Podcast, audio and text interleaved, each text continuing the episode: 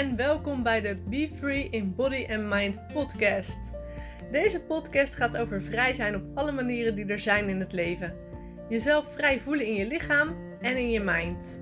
We hebben het in deze podcast over sporten, bewegen, mindfulness en hoe je nou goed voor jezelf kan zorgen, zodat jij op nummer 1 komt te staan in jouw leven. Hallo, hallo, hallo, mooie lieve vrouwen en welkom bij een nieuwe aflevering van de Be Free in Body and Mind podcast. Vandaag wil ik het met jullie hebben over emoties. I know, heel groot onderwerp, maar ik zal het een beetje klein houden, anders ben ik weer uren aan het praten. We hebben allemaal emoties en deze emoties helpen ons enorm in ons leven, maar emoties kunnen je ook heel erg tegenwerken. En daar ga ik het vandaag met jullie over hebben. en om maar gelijk met de deur in huis te vallen. Eigenlijk zijn er maar vier basisemoties. En de basisemoties zijn boos, bang, bedroefd en blij. Alles wat je hier omheen voelt, kan je altijd terughalen naar één van deze vier emoties. En waarom is dit nou zo belangrijk? Dit is belangrijk zodat jij voor jezelf helder kan gaan krijgen wat het nou eigenlijk is wat je voelt. Want in de drukke maatschappij waarin wij leven, zijn emoties echt ontzettend onderdrukt. En er is weinig ruimte om onze emoties te uiten. En er is heel weinig ruimte om onze emoties daadwerkelijk te voelen. En daardoor weten we vaak helemaal niet hoe we moeten omgaan met onze emoties. En dat is super zonde. Want hierdoor kan je je heel erg benauwd gaan voelen en kan je je heel erg gaan schamen als je bepaalde gevoelens hebt. En dat is dus helemaal niet de bedoeling, want hier word je onwijs ongelukkig van. Ik denk dat we allemaal wel bepaalde overtuigingen hebben over bepaalde emoties. En als we bij de emotie blij gaan beginnen, ja, dat kunnen hele positieve overtuigingen zijn. Misschien heb je er wel negatieve overtuigingen over als iemand altijd heel erg blij is. Dat kan natuurlijk ook. Dat is voor iedereen anders, maar meestal zijn deze wel positief. Als we dan kijken naar de emotie bedroefd, dan merk ik vaak dat mensen zich daar heel erg voor schamen. Als ik klanten aan het coachen ben en ze beginnen te huilen, zeggen ze altijd sorry. En dan zeg ik, waarom zeg je sorry? Wat is er nou zo erg aan dat je nu aan het huilen bent? Huilen is zo ontzettend nodig om te helen. Dit klinkt echt mega zweverig, maar op het moment dat jij deze emoties niet gaat uiten, zou je je ook nooit beter voelen. Huilen heeft zo'n ontzettende helende werking en je voelt je daarna altijd zoveel beter. Alleen omdat we ons ervoor schamen, onderdrukken we bedroefd zijn onwijs, waardoor we daar continu tegenaan gaan hikken. En ons juist rotter gaan voelen omdat we verdrietig zijn, terwijl het verdriet nodig is om je beter te voelen. En als we dan bijvoorbeeld even kijken naar de emotie boos, dan vraag ik me af aan jou: durf jij echt boos te zijn? Durf jij echt die woede te voelen en de woede te uiten naar de mensen waarbij het hoort? Of krop je heel veel woede op en uit je dat in het verkeer? of uit je dat bij je partner? Of tegen je kind? Of tegen je huisdier? Of tegen je buurman? Het maakt niet uit. Meestal vinden we het heel moeilijk om de woede te voelen op het moment dat het nodig is. En als iemand jou boos maakt, is het zeker moeilijk om die boosheid te uiten naar de persoon waarbij het hoort. Waardoor we dus uiteindelijk al die woede gaan opkroppen en het bij die verkeerde personen terechtkomt of tot een uitbarsting komt op een bepaald moment. En dan is de emotie dus zo heftig uh, dat het niet echt bij de situatie past. En dat is super zonde. En boosheid is echt super belangrijk om te gaan leren voelen. Want je hebt boosheid nodig om je grenzen te gaan aangeven. En zoals ik in de vorige aflevering van de podcast zei, op het moment dat jij je grenzen niet voelt, voel je waarschijnlijk ook geen boosheid. Het enige wat je dan voelt waarschijnlijk is verdriet. Op het moment, en dan ga ik even een voorbeeld geven die ik al eerder heb gegeven, maar op het moment dat jij bijvoorbeeld op je werk bent en je hoort dat er iemand achter je rug om heeft gepraat Wat voel je dan? Voel je je dan verdrietig? En schaam je je hiervoor? Want op het moment dat jij je verdrietig gaat voelen en je ervoor gaat schamen, ga je je verstoppen. En ga je dus helemaal niks doen met deze situatie. Terwijl op het moment dat jij hoort dat iemand achter je rug om gepraat heeft, wat is dan de juiste emotie die je erbij hoort te voelen? Boosheid. Want deze boosheid heb je nodig om naar die persoon toe te stappen om verhaal te halen. Op een, ik bedoel, dat hoeft niet op een aanvallende manier, hè, want dat is het belangrijkste wat je moet weten van boosheid. Maar je hebt wel die boosheid nodig om in je kracht te gaan staan. Om te vragen van, joh, wat is hier aan de hand? En wat heb ik gehoord? En waarom is dit? En waarom ben je niet naar mij toegekomen? En dat is heel anders dan aanvallend van, jij hebt achter mijn rug om gepraat en jij en jij en jij en jij. Je moet altijd proberen om het bij jezelf te houden. Want op dat moment, op het moment dat jij het bij jezelf houdt en ook dus de emotie bij jezelf houdt, kan niemand daar een uh, oordeel over hebben. Dus stel je voor dat jij wel de woede in deze situatie gaat voelen, dan kan je naar zo'n persoon toe gaan. En dan kan je ook echt daadwerkelijk zeggen hoe je je erover voelt.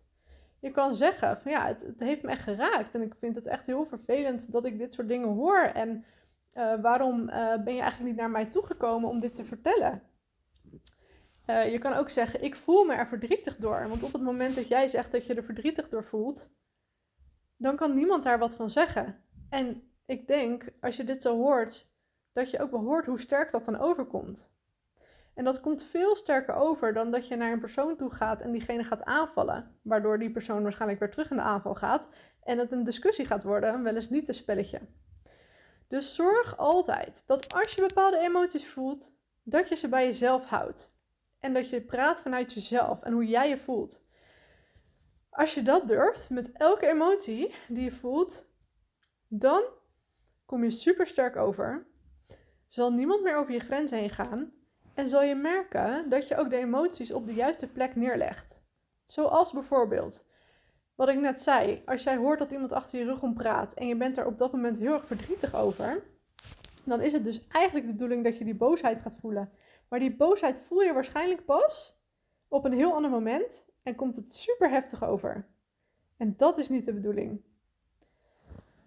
En op het moment dat je dus je emoties herkent, en daarom laat ik ze categoriseren, wat een lastig wordt, in deze vier basisemoties: boos, bang, bedroefd en blij, zodat je dit voor jezelf kan opschrijven.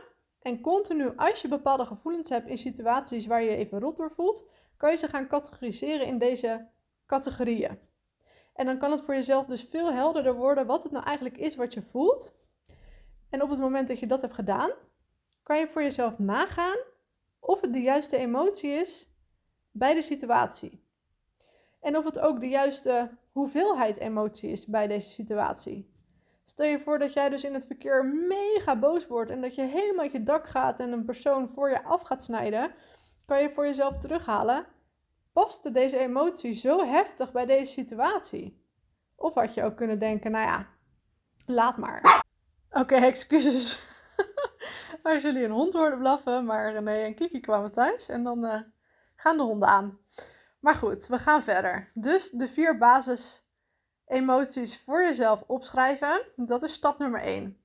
Als je in bepaalde situaties je rot voelt en er loopt emotie hoog op, kijk dan voor jezelf eerst in welke categorie deze emotie past en of de emotie wel bij de situatie past, zoals zo hoog als die is.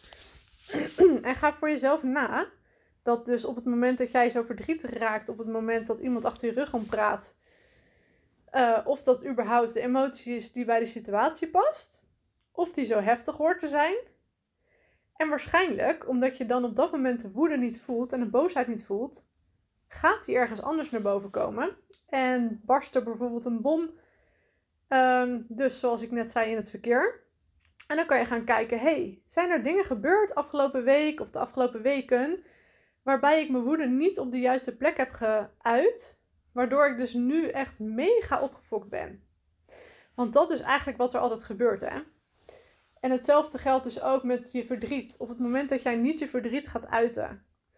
Op de momenten dat je verdrietig bent en niet vertelt tegen de mensen die je pijn hebben gedaan dat het je pijn doet. En soms kan dat niet in een situatie, hè? maar dan kan je het wel bijvoorbeeld voor jezelf opschrijven. En echt doorvoelen dat je verdrietig bent. Want dat is het allerbelangrijkste met alle emoties. Dat je ze dus niet gaat onderdrukken, maar dat je ze echt gaat doorvoelen. En ik neem nu even verdrietig en boosheid, omdat dat de twee grootste emoties zijn die we het meest onderdrukken. Want we kunnen, ja, ik bedoel, blijheid vinden we vaak veel makkelijker om te voelen. Is ook trouwens niet voor iedereen zo hoor, maar dat terzijde. Um, het is dus heel belangrijk dat je de emoties echt gaat doorvoelen. En ook al is het dus niet op de juiste plek, op de juiste tijd, in de juiste heftigheid, probeer dit wel eventjes terug te halen als je alleen bent. Als je dus bijvoorbeeld ergens verdrietig op bent om een situatie en je kan deze niet op de juiste plek uiten, zoals bijvoorbeeld misschien is die persoon niet meer in je leven, ehm, of praat je niet meer met die persoon, of weet ik veel wat. Zorg dan dat je het wel voor jezelf gaat opschrijven. Want vaak op het moment dat je echt gaat schrijven, dan komen alle woorden vanzelf. En dan komt ook de emotie vanzelf weer omhoog. En dan kan je het een beetje gaan herbeleven. En we zijn soms heel erg bang om deze emoties te gaan voelen. En dan kan je jezelf ook gaan afvragen: waar ben je nou zo bang voor? Wat gaat er gebeuren op het moment dat je zo verdrietig bent?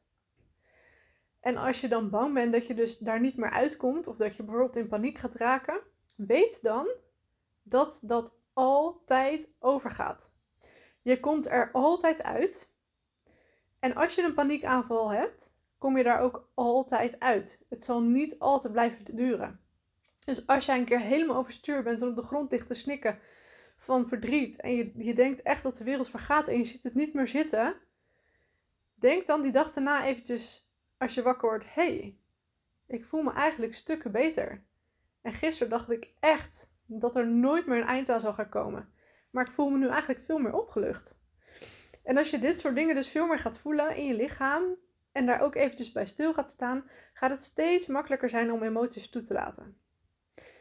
Emoties zijn dus echt een heel groot ja, onderdeel van de coaching die ik altijd geef. En um, er zijn echt heel veel vrouwen die ik coach die al hun emoties altijd hebben onderdrukt omdat ze geleerd hebben dat ze er niet mogen zijn, de emoties. Want zoals ik al zei, in deze maatschappij is er heel weinig tijd en ruimte om emoties te voelen.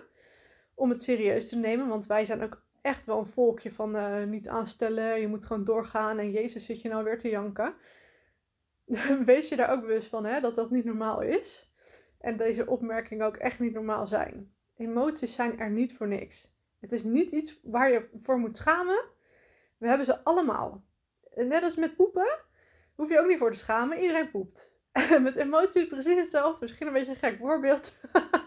maar iedereen heeft emoties. En het is juist super sterk om ze te doorvoelen. En om ze uit te spreken. En om ze op de juiste plek neer te leggen. Om het open te gooien. Dus lieve vrouw, heb jij hier ook moeite mee? Je mag me altijd een berichtje sturen ten eerste.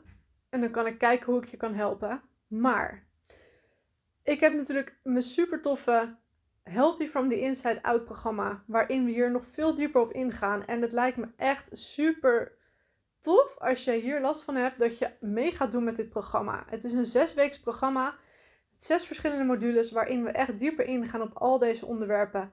En in zes weken ga ik je echt leren hoe je dichter bij jezelf kan komen, hoe je naar je lichaam kan gaan luisteren, hoe je ervoor kan zorgen dat je emoties er kunnen zijn. Zodat je echt kan gaan helen. Zodat je naar jezelf kan gaan luisteren. En daarmee dus ruimte gaat creëren om echt te gaan kiezen voor jezelf. En dit vind ik gewoon het allerbelangrijkste. De gezondste keuzes maken voor je lichaam en je mind. Dat is waar het in de kern om gaat. Want dan, omdat alles met elkaar in verbinding staat, zal je merken dat je veel meer vrijheid gaat ervaren. Veel gelukkiger gaat zijn in je leven. Andere mensen om je heen gaat creëren. En dat er allemaal kansen op je pad liggen die je nu nog niet ziet. Lieve vrouw, ik zal de link in de, hieronder in de beschrijving zetten van het programma. Dan kan je daarop klikken. Um, mocht je nog vragen hebben erover, mag je me altijd een berichtje sturen. En echt, het zal super tof zijn als je hier aan meedoet. Je krijgt elke week ook een coaching van mij. Dus um, als je klaar bent om te gaan veranderen, dit is je kans. Voor nu wil ik jullie nog een hele fijne avond of middag of ochtend of dag wensen. Uh, het lijkt me heel leuk als je deze podcast voor mij deelt en als je me laat weten of je er wat aan hebt gehad. Dat vind ik alleen maar super tof. Hele fijne dag, lieve vrouwen.